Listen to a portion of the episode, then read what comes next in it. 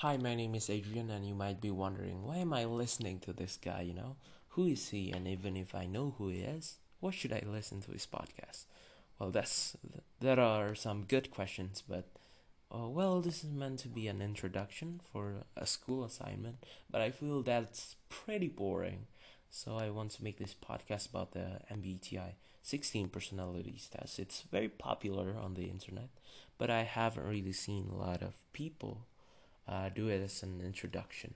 So in this podcast, I'm going to rationalize my stances on some of these questions, but mostly I'm just going to explain my background that would causes me to take those stances.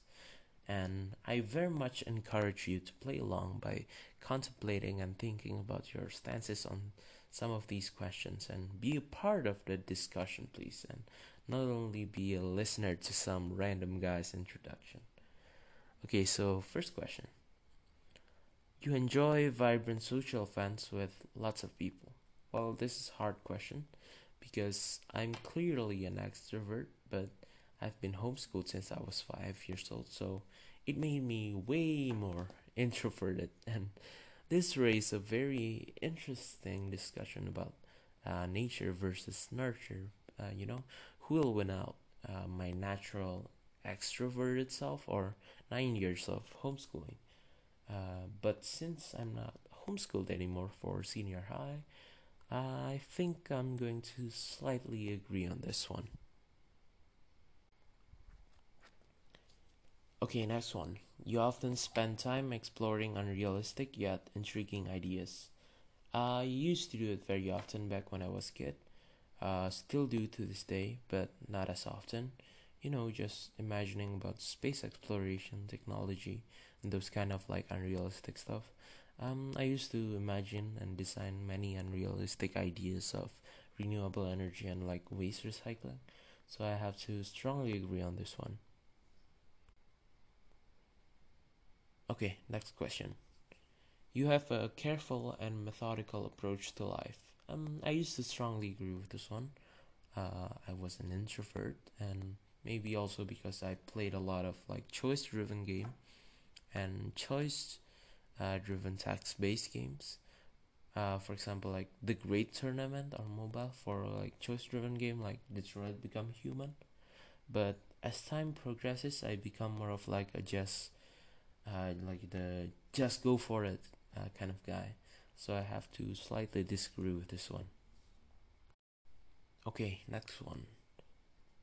You always know exactly what you want. I don't believe this is true for anyone in the world. Like, yes, maybe you have plans, but knowing exactly what you want, absolutely not. Like new experiences like shape a new perspective that can greatly change like what you want in your life. Uh, I used to be very sure that I wanted to pursue a car- uh, career in science, in physics or chemistry, to be precise, uh, when I was a kid.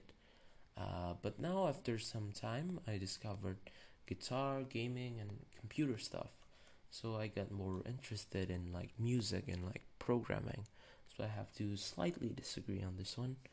I have plans, but those plans may change depending on the current circumstances and like experiences. Uh, okay, so next one. You are very affectionate with people you care about. Yes, very much. And I think it's weird for people to say no. It has been like scientifically proven that like hugging and other forms of like affection triggers serotonin. So basically, giving and receiving uh, affection will result in a better quality of living. And I just like hugging people, I guess. Uh, my dad was also very affectionate. He'd always like hug me and always told us to reply with uh, I love you too when he says I love you know that kind of stuff. So I strongly agree on this one. Okay, next one. You usually lose interest in a discussion when it gets philosophical. No, no, no. That's when my interest is at the highest. Philosophical debates and discussions are very interesting, even with people with a very different like standpoint and a very different point of view. So I strongly disagree on this one. You often contemplate the reasons for human existence or the meaning of life. If you don't do this, then are you even living? Like, it's important to ask these big questions. Maybe I come to this conclusion because, like, I like to talk about these things with my dad, uh, but and also maybe like because I got uh, access to the internet since I was like five, and I watched like too much Vsauce and like Exurb1a and like CGP Grey and all those guys. So it's maybe because of them, but personally, I would uh, strongly agree on this one. Okay, so that's about it. What do you think? Uh, what are your own personal stances on this question? Do you agree with me or do you disagree with me? Uh, either way, please comment and let me know. I want to see discussions and debates in the comments. Bye. Peace.